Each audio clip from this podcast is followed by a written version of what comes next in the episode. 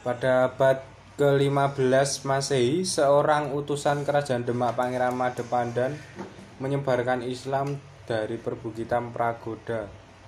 Seiring berjalannya waktu, wilayah tersebut menjadi subur dan ditanami pohon asam yang arang, yang arang atau bahasa Jawanya adalah asem arang-arang.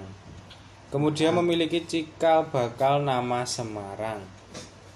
Setelah itu ada dari sisi Matese yang bernama Bapak Kasto dan memiliki anak yang mempunyai motor Vario dan mempunyai empat pacar yang bernama Jono, Joni, Win, dan Tuti.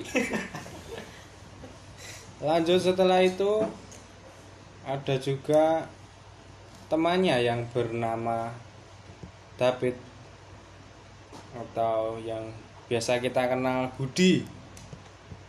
Dia memiliki